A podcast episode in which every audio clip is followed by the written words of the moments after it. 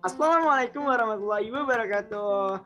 Halo teman-teman Sobat Ligers, kembali lagi dengan saya Muhammad Abi Faris Regar, bisa dipanggil Abi di Suara Literasi. Nah, uh, minggu sebelumnya kita juga udah bahas nih tentang uh, eh, SDG Sustainable Development Goals yang di mana kita tuh bareng Kak Sarah Rauzana. Nah, kebetulan banget nih di minggu kali ini Kak Sarah juga uh, ada waktu untuk sharing session gitu tentang SDGs. Maybe di sini kita bakal lebih bahas lebih apa ya, lebih concern gitu ataupun lebih kayak uh, lebih dalam, lebih meng, uh, melihat sisi yang belum terbahas di minggu sebelumnya. Mungkin boleh saya hai dulu Kak Sarah. Halo Kak Sarah. Halo Abi, apa kabar? Alhamdulillah sehat Kak. Bagaimana Kak Sarah Kak? Alhamdulillah baik baik baik. Semoga teman-teman juga pada sehat-sehat ya. Mungkin ada yang masih puasa. Kayak masih puasa nih. Iya iya benar-benar kak. Tetap dijaga kesehatannya teman-teman. Apalagi kita ini mau apa ya adaptasi ya kak adaptasi dari yang sebelumnya pandemi sekarang juga mulai nih mulai untuk menormalisasi keadaan lagi kan benar ya kak endemi ya Iya benar kak. Mungkin di sini kita bahas uh, daripada kayak kita terlalu nanya-nanya ya kak. Mungkin lebih kayak uh, lihat dulu kak uh, dari sekitar kita gitu loh kak. Kira-kira dalam seminggu ini ada nggak kak hal-hal uh, di sekitar kakak gitu kak uh, yang yang bisa ataupun sudah kakak lakuin about SDGs gitu kak? Kira-kira ada nggak kak? Um, tentunya yang paling gampang banget adalah uh, pre, uh, SDGs uh, nomor 14 Life Below Water. Ini sebenarnya udah udah sempat dibahas ya di episode sebelumnya gitu yang mana prevent marine debris uh, kita uh, gimana caranya kita bisa bertanggung jawab at least ya terhadap sampai-sampai yang kita um, produksi gitu yang kita hasilkan. Atau bahkan gimana caranya kita sama sekali nggak nyampah gitu. Jadi uh, apalagi kan sekarang pandemi orang-orang pada pakai uh, ini ya bi pada pakai masker sekali pakai iya. kayak gitu kan. Terus juga mungkin kalau belanja online ataupun beli makanan minuman buat buka puasa atau buat sahur gitu ya pakai ojek online kan itu pakai kresek-kresek juga gitu kan. Karena nggak belum semua daerah punya pelarangan uh, penggunaan kantong kresek. Jadi uh, kalau menurutku kalau aku pribadi gitu ya yang paling dekat denganku adalah pasti uh, tentang um, lingkungan ya. Karena uh, sebenarnya ini juga FYI juga nih buat teman-teman. Jadi kalau misalkan uh, let's say uh, untuk mengurangi plastik aku biasanya suka request juga gitu. Kalau misalkan aku uh, terpaksa untuk beli, uh, beli makanan atau minuman um, lewat ojek online aku suka nitip gitu ke bapaknya untuk gak pakai uh, sedotan gak pakai pokoknya uh, di dibungkusnya tuh dengan yang um, apa le, bukan plastik aja ya yang kertas kayak atau bahkan sekarang kalau di Jakarta nih bi ada yang ini ada kayak sistem mereka pakai wadah guna ulang. Jadi maka apa wadahnya tuh kayak kita deposit dulu gitu.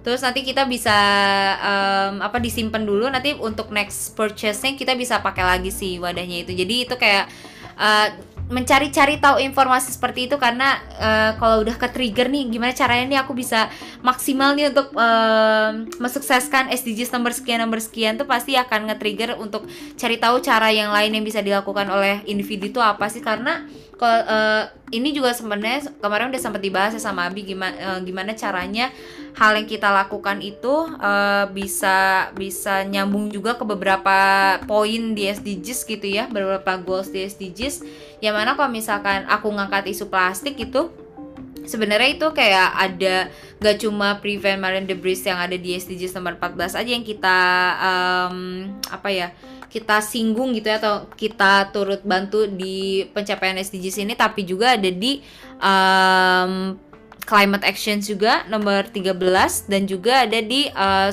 um, responsible for consumptions and productions. Aku agak lupa uh, detailnya kalau nggak salah betul itu nomor 12 gitu. Jadi uh, itu sih kalau misalkan yang terdekat yang di aku adalah uh, SDGs nomor 12, 13, 14 yang mana sebenarnya aksinya adalah cuma di um, tidak nyampah sama sekali terutama nggak nyampah uh, sampah plastik sekali pakai. Kayak gitu kalau aku. Jadi karena kebetulan aku juga kerjanya kan di NGO lingkungan ya jadi pasti akan banyak terpapar di situ gitu. Kalau Abi gimana nih Abi? keren keren kak. Abi banyak nih pasti nggak cuma lingkungan tapi pendidikan nih ya kesehatan nih ya. Wah, ngeborong ini Enggak juga kak. Jadi aku tuh punya concern tersendiri gitu kak. Jadi eh, mungkin karena apa ya? Karena kita tuh tahu ya eh, kan SDGs tuh banyak dan eh, hal-hal yang bisa aku lakuin itu sebenarnya eh, hal-hal kecil juga seperti yang kakak bilang tadi. Kayak aku memakai tote bag dan itu yang udah aku mulai pelan-pelan dan mungkin belum keseluruhan gitu loh kak kayak mungkin sedotan maybe aku belum pernah tapi juga balik lagi gitu kan. Tapi setidaknya aku udah pakai tote pakai tumbler dan itu aku bawa terus gitu kalau misalnya ke mana-mana. Dan itu menurut aku juga salah satu bentuk nyata kita gitu kak untuk mengurangi sampah plastik Nah, Yep. sama seperti kakak. Dan kalau misalkan kayak kakak bilang tadi soal quality education maybe eh, kita tuh bisa melihat gimana sudut pandang pendidikan gitu kak. Jadi mungkin eh, kita lihat lagi gimana cara kita tuh untuk memberikan eh, pendidikan yang berkualitas secara inklusif dan adil.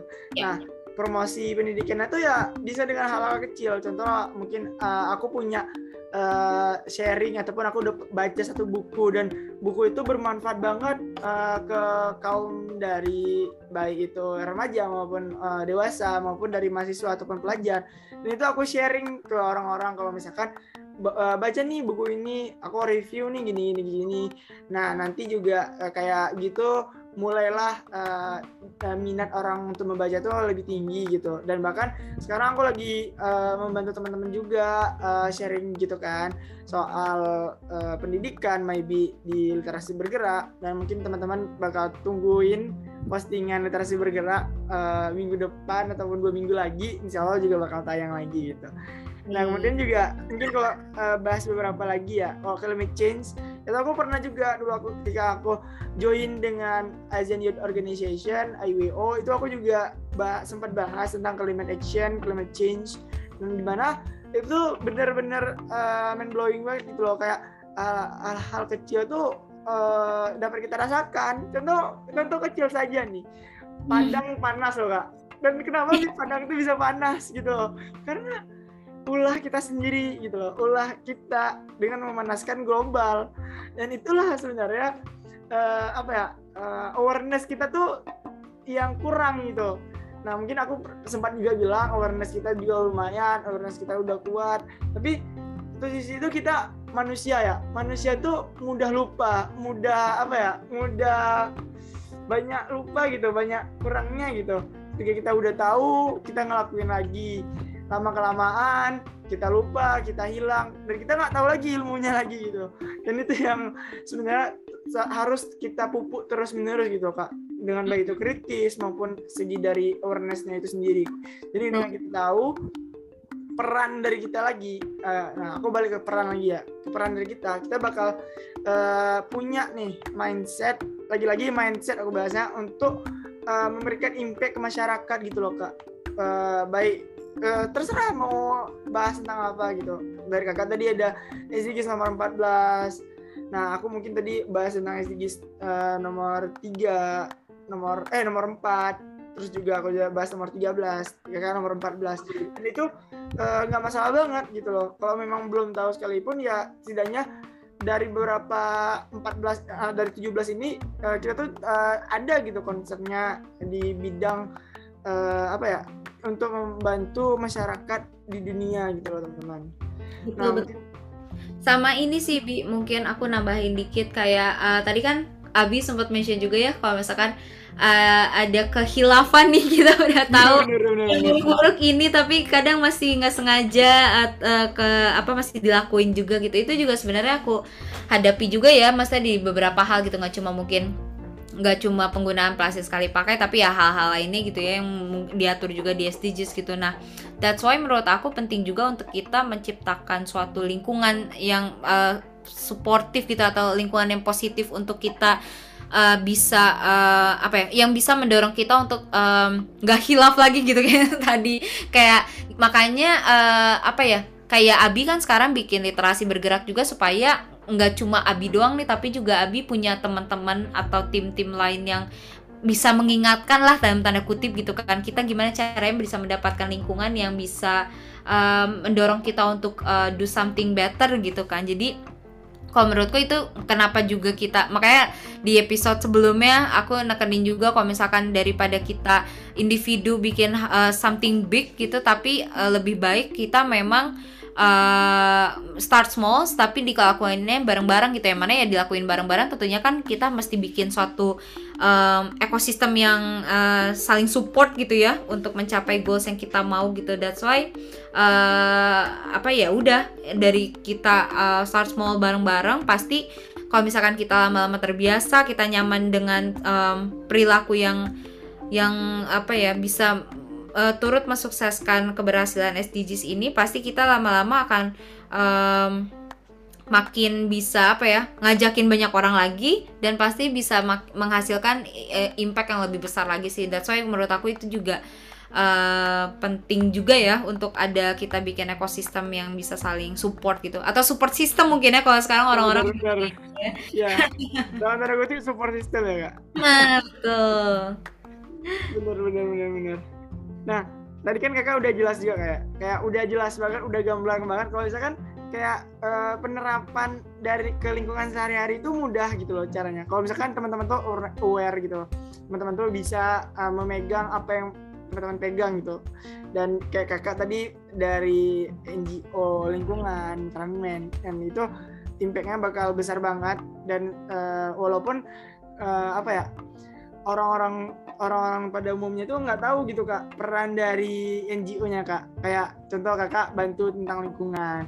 Tapi dari kakak membantu tentang lingkungan mengurangi sampah plastik dan sebagainya sebenarnya tuh udah mengurangi ini nggak kak? Uh, pemanasan global juga kan kak? Kayak mungkin nggak terlalu berimpact uh, tahun ini misalkan. Tapi 10 tahun lagi 30 tahun lagi uh, bumi ini bakal lebih panas. Dan ketika kita udah membantu bumi ini secara kecil-kecilan otomatis uh, panas yang uh, dibilang bakal ting meningkat dua ataupun sampai lima itu tuh bakal uh, bakal lambat meningkatnya gara-gara kita juga.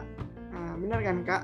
Iya iya betul. Apalagi sebenarnya ini juga uh, FYI aja ya gitu. Kalau misalkan kalau ngomongin plastik sekali pakai sebenarnya plastik sekali pakai itu udah menghasilkan um, apa gas emisi juga dari semenjak dia productionnya gitu. Jadi eh, mulai dari dia ekstraksi karena kan kalau uh, plastik sendiri dia bahan dasarnya adalah oil and gas gitu kan. Jadi uh, dari prosesnya itu udah membutuhkan bahan bakar yang sangat besar gitu. Sampai nggak cuma saat um, ekstraksinya tapi juga saat distribusi sampai akhirnya dia menjadi disposal atau dia jadi sampah gitu ya yang nggak dikelola dengan baik yang terserak uh, terserak uh, tergeletak begitu aja gitu ya di daratan maupun di perairan nggak nggak cuma di laut tapi juga di sungai kayak gitu.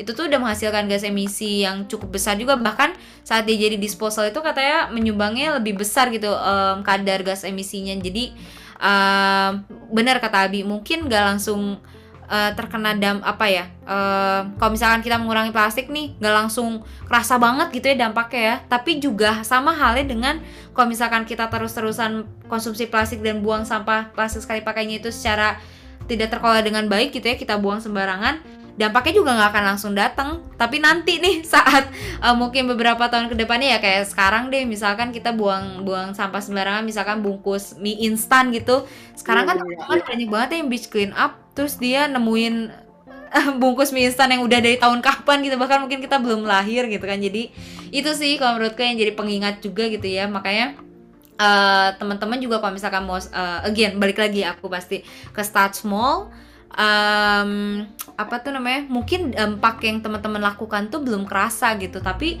mungkin secara ber, uh, apa ya berlangsungnya waktu gitu ya itu dampak yang uh, dari hal-hal yang kecil yang teman-teman lakuin itu akan berdampak besar untuk orang orang-orang penerima manfaat dari aksi teman-teman yang udah teman-teman lakuin kayak gitu sih.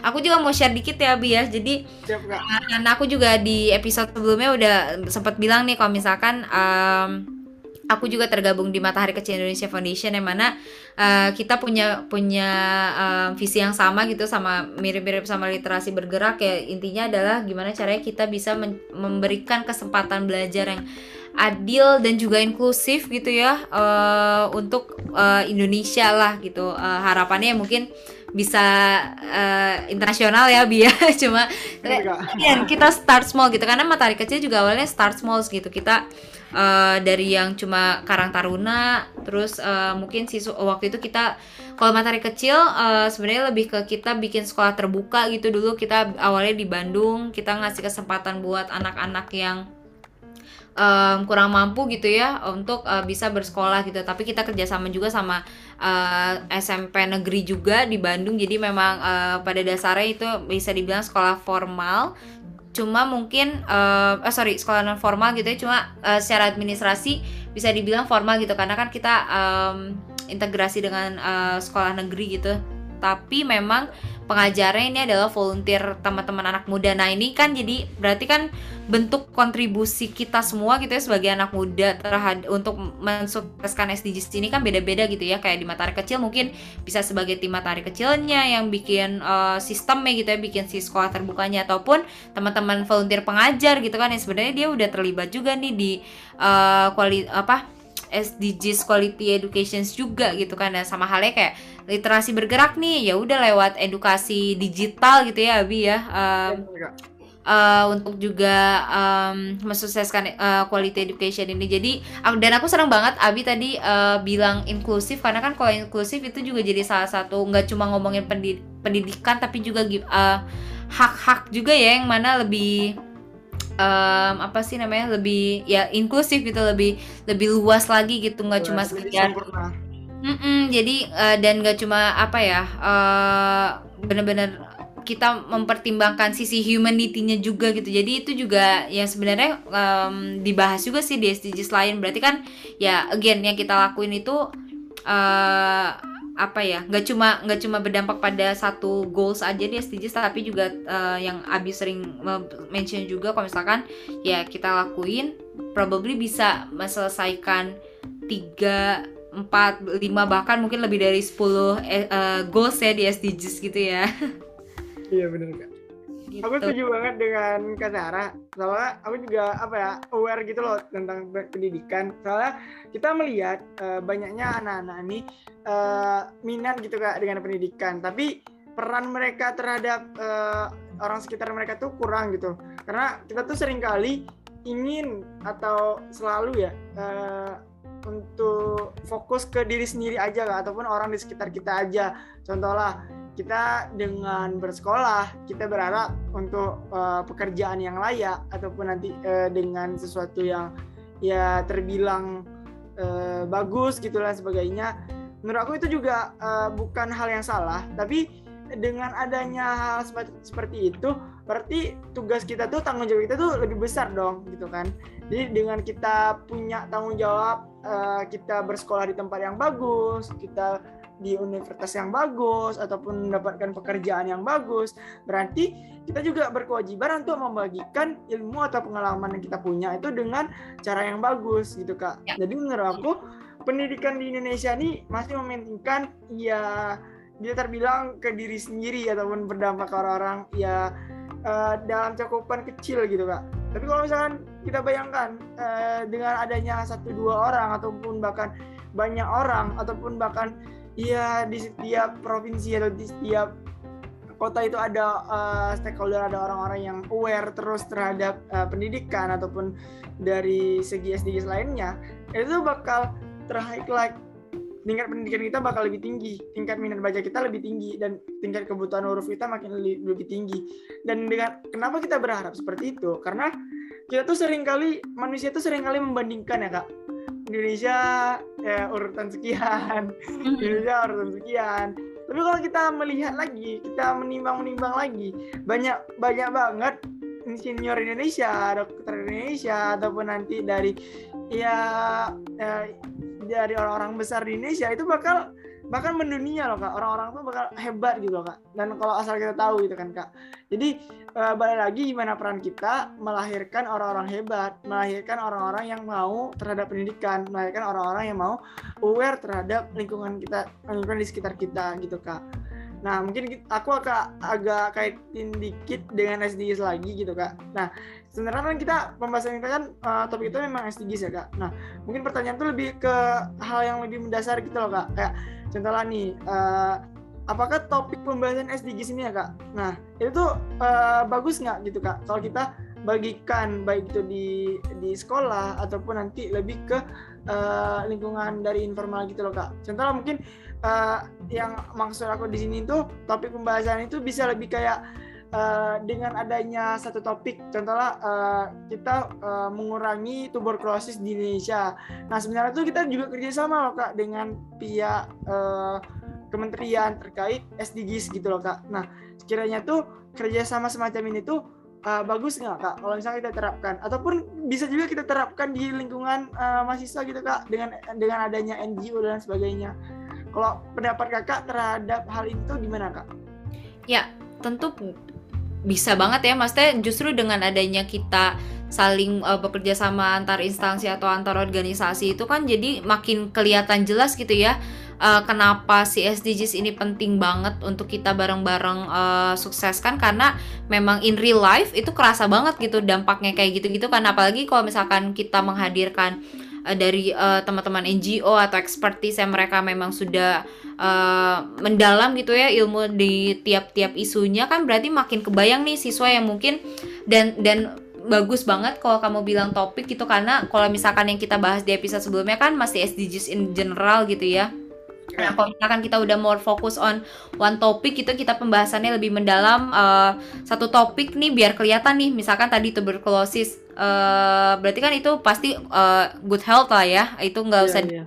nggak usah di ini lagi. Cuma kan pasti itu akan berpengaruh juga tuh ke yang lain. Misalkan ternyata nih uh, pada ada tuberkulosis karena mungkin ternyata angka kemiskinannya juga ter mem, apa jadi salah satu eh sorry mungkin kayak uh, pola hidup nih ternyata ada yang kurang benar gitu ya. Mana mungkin kenapa nih pola hidupnya dia kurang benar? Karena uh, ya uh, secara ekonomi dia rendah gitu kan. Nah kayak itu kan jadinya nyambung ya sama SDGs SDGs yang lainnya gitu kan. Jadi kalau menurutku justru um, kalau yang um, kerangka atau fondasi SDGs tentu penting.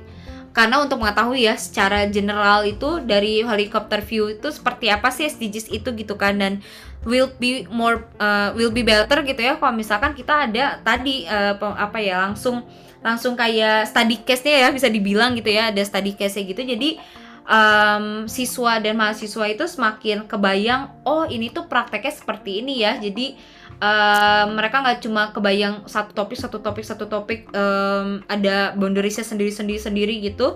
Tapi sebenarnya kalau misalkan mereka bisa fokus ke satu isu dan mereka nyemplungnya lebih intens mereka lebih mempelajari hal itu itu sebenarnya ya yang dari awal kita sering ngobrol ini itu bisa sekali mendayung dua dua pulau terlampaui gitu kan ya bi iya, jadi ya. Uh, kurang lebih seperti itu kan jadi menurut aku justru sangat penting banget ditambah kalau misalkan tadi aku sepakat banget kalau misalkan kita melibatkan juga uh, dari organisasi ya NGO uh, or pemerintah atau ekspertis lainnya gitu ya yang dilibatkan juga supaya tahu nih praktek yang sedang dijalankan di Indonesia itu seperti apa sih? Lalu benar-benar peran atau aksi nyata yang bisa dilakukan kita uh, mungkin kan kita juga perannya mungkin berbeda-beda ya ada yang misalkan Abi sebagai mahasiswa oke okay, Abi sebagai mahasiswa nih. Tapi kan interest Abi mungkin berbeda dengan teman-teman yang lain gitu kan. Abi interestnya uh, mending nyemplung di bagian literasi deh. Mungkin teman-teman Abi ada yang mending nyemplung di bagian um, pekerjaan layak misalkan dia lebih isunya pekerjaan layak yang mana pekerjaan layak kan pasti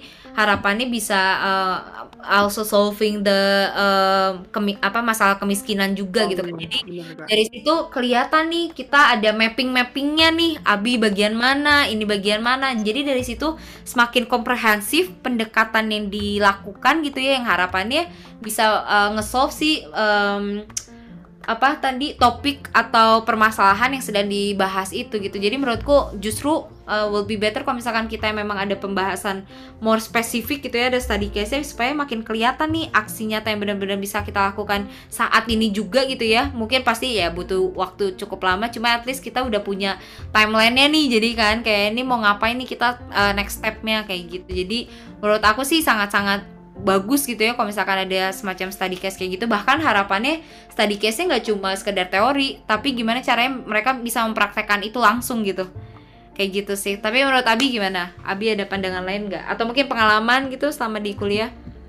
Juga uh, menurutku juga penting banget kalau ada study case dan lain sebagainya. Soalnya tuh kalau misalkan kita udah punya apa ya sebuah, sebuah panduan ataupun the rules the dots maybe itu tuh kita juga lebih paham gitu aware lebih ke peran lagi lagi-lagi aku nyebutin peran ya. Dan itu menurut aku juga uh, bagus banget.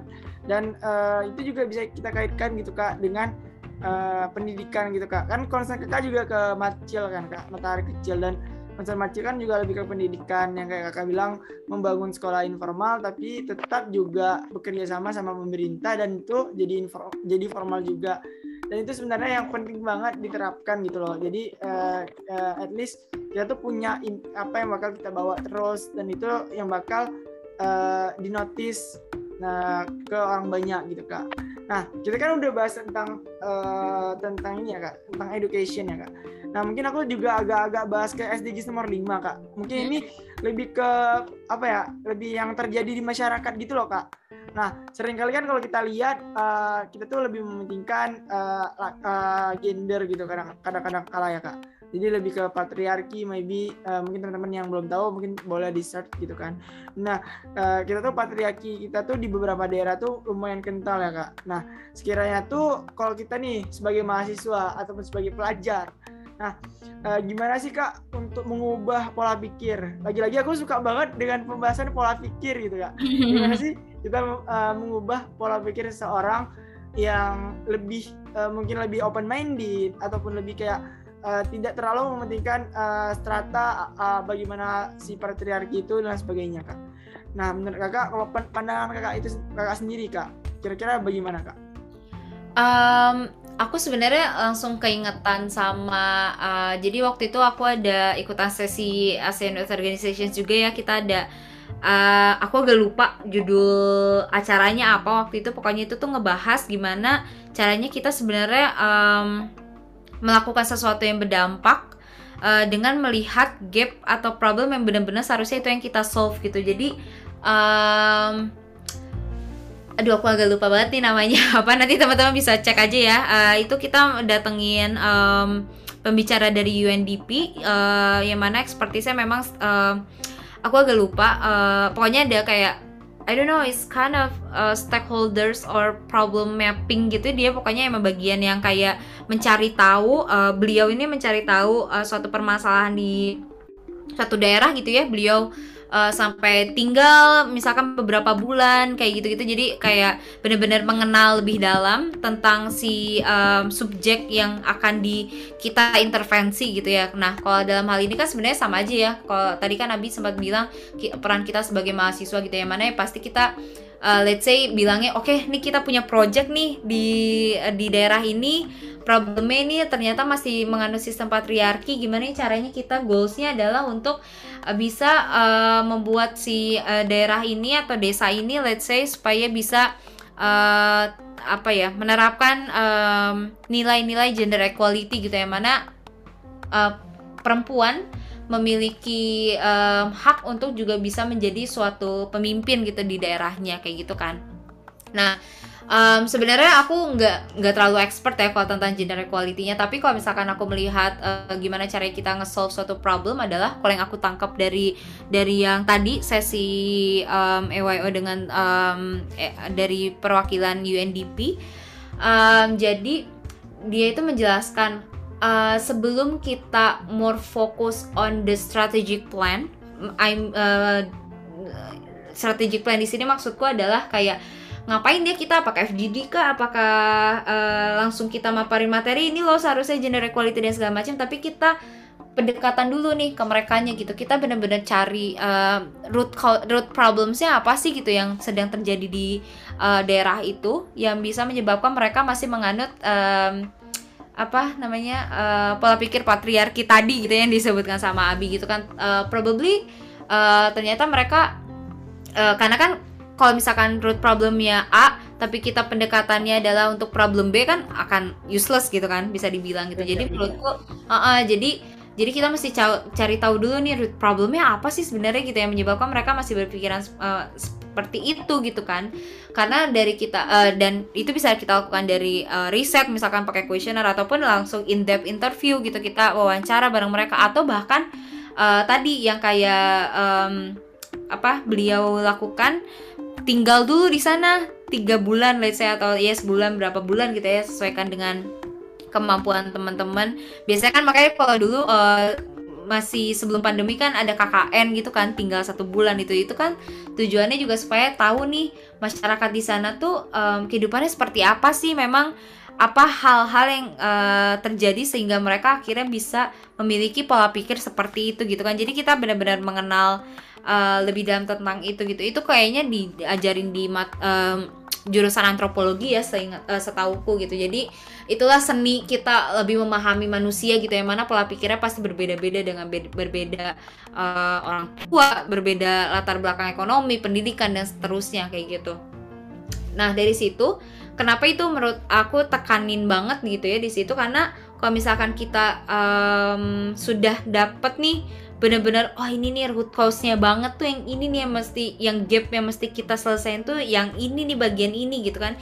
Di situ kita uh, bisa lanjut gitu untuk next step ya which is um, kira-kira nih uh, ya tadi strategic plan yang mulai dari bentuk kegiatan bisa kita lakukan itu apa sih gitu? Apakah mereka lebih prefer untuk um, FGD kah? Atau mereka prefer untuk apakah kayak gitu? Kan metode banyak-banyak banyak macamnya gitu ya belum lagi kita ada stakeholders mapping juga gitu. Kita mesti tahu mereka itu uh, mau mendengar siapa sih gitu. Makanya kan uh, itu juga jadi salah satu hal yang penting juga selain kita mapping problemsnya apa tapi juga mapping stakeholdersnya juga gitu. Siapa aja sih yang mesti kita libatkan gitu sebagai peserta? Siapa aja sih key person yang bisa kita ajak untuk diskusi bareng-bareng gitu ya? Yang mana dia biasanya kalau key person ini kayak uh, yang apa ya masyarakat di sana tuh nurut gitu sama orang itu gitu. Jadi kan itu jadi salah satu strategi yang bisa kita lakukan juga kan gitu. Jadi kalau menurutku kalau misalkan ada problem-problem kayak seperti itu gitu ya peran kita sebagai mahasiswa ya kita harus bisa defining the prob the exact problem and then we can also uh, continue it with the um, mapping the solution as well gitu. Dan solusi di sini nggak cuma uh, tadi nggak cuma metode tapi juga stakeholders dan lain-lain gitu. Dan ini nggak berlaku di SDGs nomor 5 aja ya tapi juga berlaku di SDGs lainnya gitu. Karena it's basically um, cara yang kita lakukan untuk melakukan suatu project yang harapannya bisa berdampak besar gitu ya.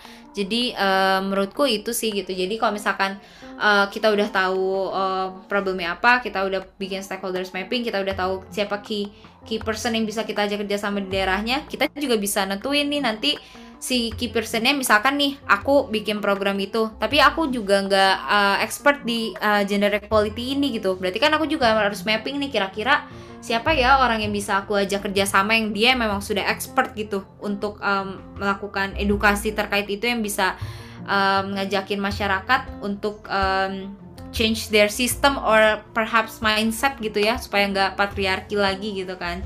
Jadi dari situlah uh, kalau menurutku yang cukup penting untuk kita lakukan karena ya kita mahasiswa pasti masih belajar juga kan gitu. Kecuali kalau misalkan teman-teman udah confident ya mungkin teman-teman bisa bisa educate ke sesama pemuda di daerah sana gitu. Tapi mungkin kalau yang lebih tua kan kadang kita agak um, gak enak juga mungkin ya makanya kita ada tadi stakeholders mapping kita ngobrolnya ke, lewat siapa kira-kira siapa yang bisa lebih menjelaskan kepada most of the warga yang ada di sana kayak gitu-gitu sih Abi kalau menurutku ya. Jadi lebih ke um, teknikalnya sih yang bisa kita lakukan gitu. Karena kalau misalkan ngomongin lebih dalam tentang gender equality aku merasa aku nggak capable gitu ya. Aku nggak ada um, pengalaman banyak di sana. So far yang bisa aku lakukan adalah ya mendukung um, teman-teman yang sudah berkecimpung di gerakan itu gitu. Jadi itu juga yang bisa kita lakukan juga untuk um, sebagai mahasiswa gitu ya untuk uh, SDGs nomor 5 ini ya kalau misalkan kita turut mensukseskannya kita belum punya latar belakang yang cukup uh, banyak gitu ya kita bantu untuk support. Gimana cara support kita? Ya tadi kita ada kemauan untuk uh, bikin suatu perubahan di suatu daerah gitu ya mana kerjasama lah sama pihak-pihak um, atau NGO yang memang fokus on gender equality issues. Gitu sih kalau aku. Mungkin Abi ada pengalaman gimana? Ya kak, uh, benar sekali kak. Aku setuju banget dengan kakak. Sebenarnya uh, itu nggak cuma di uh, gender equality doang, jadi kayak ke semua hal juga bisa kan kak untuk kita terapkan, gitu kan. ya palingan nanti uh, disesuaikan lagi dengan latar belakang tempatnya juga uh, itu juga penting banget teman-teman jadi bagaimana cara kita pola pikir kita dan bagaimana cara kita educate itu yang sebenarnya perlu kita highlight terus menerus gitu dengan adanya dan pentingnya dari pemahaman kita latar belakang kita yang kayak kasar highlight tadi itu lebih lebih tepat sasaran gitu untuk uh, memberikan edukasi ke orang banyak dan dengan cara apa ya pendekatan secara perlahan tadi menurut aku juga uh, jadi efektif banget untuk memberikan dampak yang lebih besar ke orang gitu loh. Jadi kita tidak menyinggung satu dua pihak, tapi kita juga memberikan pemahaman secara perlahan-lahan dan itu kita memberikan pengertian uh, secara uh, apa yang kita dapatkan gitu. Walaupun nanti dalam uh, penerapan budayanya mungkin nggak diterima secara langsung dan penuh tapi setidaknya tuh uh, masyarakat masyarakat tuh bakal lebih tahu gitu bakal lebih aware kalau misalkan fundamental dari uh, gender equality itu seperti ini ya seperti ini loh gitu kan. Dan dengan adanya fundamental tadi yang kita terapkan ke masyarakat otomatis masyarakat itu juga tahu pandangan dari uh, sisi-sisi lainnya gitu. Jadi ketika ada hal-hal yang berdampak ataupun bertabrakan gitu kan itu tuh nggak langsung uh, tertabrak ataupun langsung memberikan sebuah konflik tapi lebih kepada uh, dapat nih uh, substansi. Kalau misalkan perbedaan itu ada loh di antara kita dan itu kita hmm. uh, pahami dan kita sama-sama uh, apa ya uh, memberikan saling pengertian gitu loh kak Betul. antara uh, pendapat A dan pendapat B dan pendapat C gitu. Nah Betul. itu penting banget sih hmm. harus kita tahu kalau kita ingin membahas soal uh, yang tadi kak uh, apa gender equality gitu. Ya. Jadi memang jangan jangan dimulai malah langsung dengan statement yang ngejudge gitu ya. Mak makanya ya, tadi uh, di awal banget kan kita ada kayak ya in-depth interview ataupun kita langsung nginep di sebulan gitu ya di sana. Karena dari situ kan kita belajar juga ya karakter mereka itu seperti apa sih gitu. Maksudnya dari kita tahu itu uh, apa oke okay, ini ternyata kekurangannya let's say di edukasi gitu. Tapi secara nggak langsung kita juga kan mempelajari juga karakter mereka itu seperti apa sih gitu. Kira-kira penerimaan uh, atau cara seperti apa sih yang bisa diterima oleh mereka gitu saat mereka uh, mencoba untuk mengetahui hal-hal baru gitu kan. Karena mungkin uh, mereka belum mengenal gender equality gitu ya. Makanya mereka masih menganut patriarki itu gitu. Jadi uh, hal-hal itu yang mesti kita lakukan gitu. Supaya kita tahu pendekatannya seperti apa. Apakah mungkin uh, dengan ngobrol biasa ternyata efektif juga nih dibandingkan kita bikin FGD kayak gitu-gitu kan. Agak jauh juga yang mana sebenarnya uh, bahkan ternyata oh lebih mudah lebih mudah lebih murah gitu kan dengan kita ngobrol tapi bisa dibilang lebih efektif gitu untuk uh, beberapa orang gitu. Tapi kan itu mesti again kita kita cari tahu juga gitu tiap tiap orang tuh seharus seperti apa sih pendekatannya. Benar banget tadi kata Abi dan jangan kita mulai dengan statement yang judging gitu karena ya kalau misalkan kita tiba-tiba ngomong nggak boleh gitu dong itu kan uh, setiap orang kan punya hak perempuan punya hak kayak gitu kan mereka jadi malas duluan yang ada malah mereka nggak menerima intervensi yang akan kita lakukan gitu. Bahkan mungkin kita belum intervensi belum kelar pun kita udah diusir gitu ya bisa jadi. kayak, kayak itulah kenapa kita juga mesti bisa tetap respect gitu ya terhadap mereka. Makanya nggak boleh yang langsung ngejudge bener kata Abi. Tapi gimana caranya kita bisa melakukan pendekatan yang bisa diterima juga oleh mereka sih kayak gitu bener. Ya kak. Aku setuju banget. Mungkin satu topik lagi ataupun satu hal lagi ya kak yang mau aku diskusikan dengan kakak gitu kak. Menurut kakak uh, seberapa penting sih kak uh, penerapan dari uh, mungkin balik lagi ya kak. Balik lagi ke topik yang tadi kita fokuskan gitu kak. Nah itu kan ada salah satunya tadi yang aku bilang yang apa uh, equality education kak. Nah kalau menurut kakak seberapa penting kak uh, masyarakat Indonesia ataupun ya secara umum gitu tahu kalau misalkan SDGs equality education ini patut banget kita terapkan di lingkungan sehari-hari kak. Mungkin tadi udah sempat dibahas juga tapi ini lebih ke poin dasarnya gitu loh kak ataupun ya poin yang yang berkelanjutan dari kakak gitu loh kak untuk uh, fokus banget ke quality education ini kak. Gimana kak menurut kakak?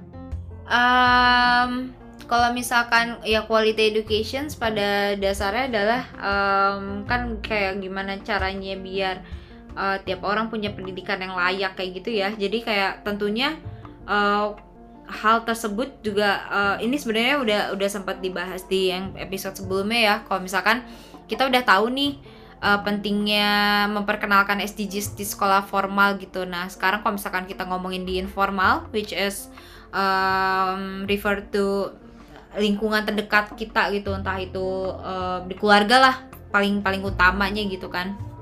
Nah, uh, SDGs sendiri kan um, pada dasarnya adalah sustainable sustainable development goals berkelanjutan itu kan kuncinya gitu. Kalau misalkan uh, dari de, kalau misalkan nih um, anak nih ya terpapar terhadap SDGs or maybe the quality education one uh, di sekolah tapi hal tersebut tidak diterapkan juga di lingkungan keluarga sedangkan kan sebenarnya um, anak juga um, meluangkan waktu lebih banyak di keluarga juga gitu. Misalkan karena kalau keluarga tiap hari pasti ketemu um, atau mungkin kalau misalkan yang pun uh, jauh gitu ya misalkan ngekos kayak gitu kan biasanya masih uh, kontakan juga gitu kan sama keluarga atau bahkan saat lebaran ya pasti pulang gitu. Ataupun gak pulang ya masih kontakan. Sedangkan kan beda ya kalau misalkan sekolah kan kita ada waktu libur semesteran kita ada waktu itu. Jadi kayak jadinya kan takutnya kalau misalkan itu tidak diterapkan di um, apa uh, sekolah informal atau di keluarga kita tuh jadinya kayak bisa hilang gitu ya ilmu-ilmu yang kita dapat di sekolah gitu dan saya menurut aku sangat penting juga untuk keluarga ataupun ya lingkungan di sekolah informal ini juga menerapkan hal-hal yang related to SDGs especially um, the quality education gitu. Karena um, kalau ya again kita targetnya ada berkelanjutan gimana caranya kita bisa membentuk um, support system yang bisa terus menerus um, mengolah pola pikir kita untuk terus uh, apa ya berpikir kritis gimana nih caranya untuk kita bisa um, mensukseskan SDGs SDGs ini kayak gitu kan. Terus lagi um, apa tuh tadi aku mau ngomong apa ya? Aku agak ngeblank. Uh, pokoknya itu sih kayak pentingnya uh, dan dari situ uh, kalau misal oh ya dan dari situ dengan kita terus terusan ter apa ya ter um, apa?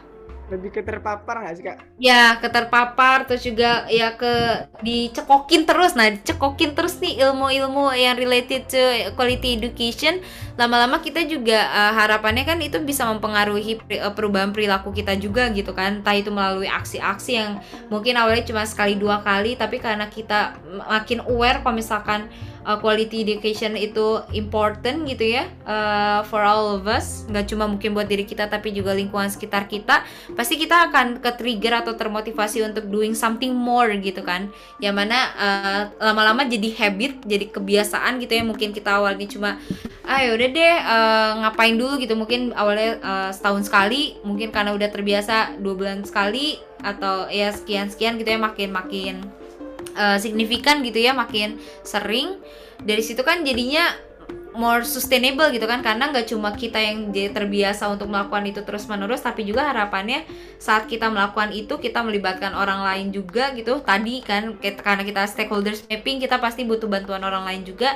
Dan orang lain pun melakukan hal yang sama gitu. Dia terus terusan untuk pakai dan itulah konsep sustainable gitu. Jadi berkelanjutan nggak cuma berhenti di kita tapi juga orang lain juga melakukan hal yang sama. Nanti orang lain di bawah generasi kita juga melakukan hal yang sama dan seterusnya gitu. Jadi itu sih menurut aku kenapa um, informal juga penting gitu ya untuk hal ini. Karena ya uh, penerus generasi pasti uh, startnya belajarnya juga di keluarga dulu gitu kan. Ya mungkin uh, sering dengar juga ya kita kalau misalkan keluarga juga jadi sekolah pertama tiap manusia gitu kan gitu. Jadi um, itu sih yang mesti dilakukan terutama quality education gitu. Karena nggak bisa dipungkiri uh, pendidikan itu kan core dari segalanya sih menurut aku gitu. Kalau misalkan kita um, apa tuh namanya ya uh, tidak bisa meng, uh, mengutamakan atau memprioritaskan pendidikan uh, padahal sebenarnya dalam kita um, menyelesaikan isu lain gitu ya selain pendidikan kan sebenarnya edukasi juga jadi salah satu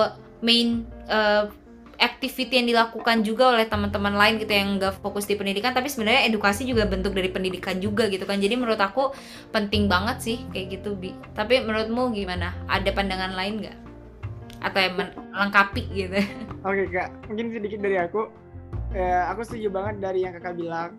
Sebenarnya uh, susuri dulu bagian bawahnya, bagian fundamentalnya, bagian terkecilnya baru uh, naik naik naik naik ke ke yang lebih dalam, lebih atas, lebih tinggi gitu. Nah, kalau gitu kan lebih impactnya itu lebih kerasa gitu kan. Jadi kayak kita tuh lebih memikirkan bagaimana kita evaluasi introspeksi diri, baru kita berikan dampak ke orang banyak gitu. Nah, berarti kan uh, dengan adanya lingkungan yang baik, uh, sekolah sekolah yang uh, formal yang baik, juga bagaimana mindset dari orang-orang di sekitar itu baik dan sesuai dengan uh, target dari equality education itu sendiri, berarti kita tuh udah setidaknya tuh udah nih, udah uh, memiliki ataupun uh, range dari si education equality ini udah udah dapet gitu kak. Walaupun substansinya tuh masih luas banget masih masih dalam banget harus kita dalami. Tapi setidaknya kita udah dapat kecil uh, komponen kecilnya gitu. Nah dengan itu nanti diharapkan ke depan lagi kita bisa mengembangkan lebih dalam lagi lebih besar lagi gitu nah kalau misalkan kita tidak bisa menerapkan secara formal maybe mungkin dari kita eh, nggak uh, jadi guru ataupun jadi pengajar di beberapa instansi kita bisa dengan uh, pembentukan NGO seperti literasi bergerak, matahari kecil, ataupun nanti ada NGO-NGO lain, ataupun nanti uh, lebih ke platform, maybe uh, lebih ke, ke hmm, betul. Uh, apa? Ya perusahaan maybe mereka juga aware terhadap uh, dari apa namanya dari dari pendidikan, mungkin startup atau lain sebagainya. Bahkan ada juga yang kayak maybe lebih ke resto ataupun rumah makan yang penting juga terhadap pendidikan mungkin concernnya ya jadi mereka tetap memberikan uh, sponsor dan lain sebagainya dan menurut aku uh, cara kita tuh banyak banget gitu loh kak. Jadi nggak bisa kita mengkategorikan kalau misalkan di formal ini ini yang benar informal ini ini yang benar dan sebagainya. Dengan kita tahu nih kita lebih open minded nih lebih lebih lebih luas lebih luas pandangan kita pasti kita tuh dapat gitu. Oh dengan cara ini sedikit aja kita dapat eh, edukasi ke orang lain. Berarti udah juga eh, mengamalkan dari implementasi dari eh, education equality, equality education tadi quality education tadi nah dengan adanya itulah nanti ke depannya itu kita bisa uh, lebih sustainable, lebih lebih tahu, lebih lebih memberikan impact perlahan terus menerus dan terus menerusnya itu itulah yang kita harapkan gitu kak. Jadi mungkin uh, baik lagi yang kayak aku bilang tadi buta baca itu lebih sedikit, uh, terus juga uh, lebih banyak orang-orang uh, yang tidak terkena hoax, maybe terus juga nanti lebih ke arah bagaimana penerapan orang-orang tuh lebih aware, mungkin lebih banyak FGD, lebih banyak orang berdiskusi, lebih banyak orang lebih paham, dan mungkin uh, dari impact uh, orang-orang yang terpelajar inilah, orang-orang yang punya ilmu inilah, ke depannya tuh orang-orang tuh nggak bakal sulut menyulut ataupun nanti marah-marah sama-sama marah ataupun ya banyak hal yang bersinggungan gitu kan. Dengan adanya quality dari sebuah education inilah kita tuh dapat melahirkan eh, orang-orang uh, yang baik dan sesuai pada tempatnya gitu loh kak. Iya. Mungkin Ini terakhir, aku... terakhir mungkin aku minta ini kak uh, pandangan kakak ataupun ya lebih ke closing statement maybe kak atau lebih ke arah yang mau kakak sampaikan deh kak untuk uh, ke teman-teman dari sobat leaders gitu kak. Oke. Okay. Uh, terima kasih uh, sekali lagi Abi udah mengundang lagi ya di uh, episode uh, lanjutan dari episode sebelumnya gitu. Uh, mungkin kalau dari aku sebenarnya ya um, gak beda jauh ya dari yang uh, apa udah aku paparkan baik di episode uh, saat ini maupun yang episode kemarin gitu. Tapi karena tadi sempat bahas juga kalau misalkan uh, menurutku um, saat kita punya goals gitu ya entah itu kita ada target misalkan di tahun ini aku ingin berkontribusi untuk um, mensukseskan SDGs nomor uh, 1, 2, 3 maupun uh, ya berapapun itu gitu ya. Uh, kita mesti tahu um, kira-kira cara terbaik untuk um, mensukseskan SDGs itu tuh seperti apa gitu? Kayak tadi yang udah aku bahas sebelumnya juga kalau misalkan saat kita untuk uh, solving the gap juga kita mesti ada proses-proses itu kan. Dan um, mungkin uh, pesanku adalah jangan jangan skip proses itu gitu. Justru dari proses itulah kita bisa lebih belajar lebih dalam gitu uh, bagaimana um, apa ya pendekatan atau implementasi solusi yang bisa kita lakukan gitu untuk mensukseskan SDGs itu gimana sih cara yang paling efektif gitu supaya project yang kita lakukan atau ya uh, misi yang kita lakukan gitu ya itu bisa berdampak uh, secara uh, positif dan juga sustainable gitu untuk ke keberla ya keberlanjutan dari project yang kita lakukan gitu. Dan tadi juga caranya juga nggak mesti kita punya template gitu maksudnya karena tiap orang again punya uh, their own interest and then their all um, skills as well gitu. Jadi kayak tadi uh, um, yang Abi bilang uh, menarik banget gitu ya. Bahkan mungkin tiap organisasi bahkan kayak organisasi lingkungan yang sama-sama fokusnya plastik itu dia biasanya tiap organisasi caranya beda-beda gitu. Jadi nggak usah nggak usah takut kok aku caranya beda ya dengan uh, si orang ini? gitu. Nggak nggak masalah gitu. Karena justru kalau misalkan kita melihat dari uh, apa ya helikopter view gitu ya suatu masalah itu biasanya memang membutuhkan uh, pendekatan yang berbeda-beda gitu. Ada yang mesti dari sisi advokasi ada yang mesti dari sisi edukasi dan lain-lain gitu. Jadi uh, don't have to be worry gitu kalau misalkan kita berbeda gitu. Karena um, tadi Abi juga menarik banget ngangkat yang kayak bahkan mungkin uh, tempat makan punya cara masing-masing eh punya caranya sendiri gitu untuk turut mensukseskan. Betul banget gitu. Tempat makan tuh kayak misalkan kita ke kafe gitu ya itu sebenarnya si pemilik kafenya itu tuh dia udah punya bis udah bisa punya caranya sendiri untuk uh, contribute di SDGs ini gitu. Mungkin pertama dia mungkin nggak uh, pakai plastik sekali pakai berarti kan dia udah contribute di SDGs nomor 13 14 gitu kan atau uh, dan juga 12 terus dia juga uh, sekarang kita banyak banget nemuin kafe yang dia juga udah meng um, fasilitasi buku ya kan? Kayak ada ini gitu itu sebenarnya juga mungkin bentuk dia untuk meningkatkan literasi juga sama halnya kayak uh, visinya literasi bergerak gitu ya. Mungkin itu juga kayak bentuk kontribusi dia juga untuk ke SDGs nomor 4 gitu kan. Terus juga mungkin um, si um, apa tuh namanya?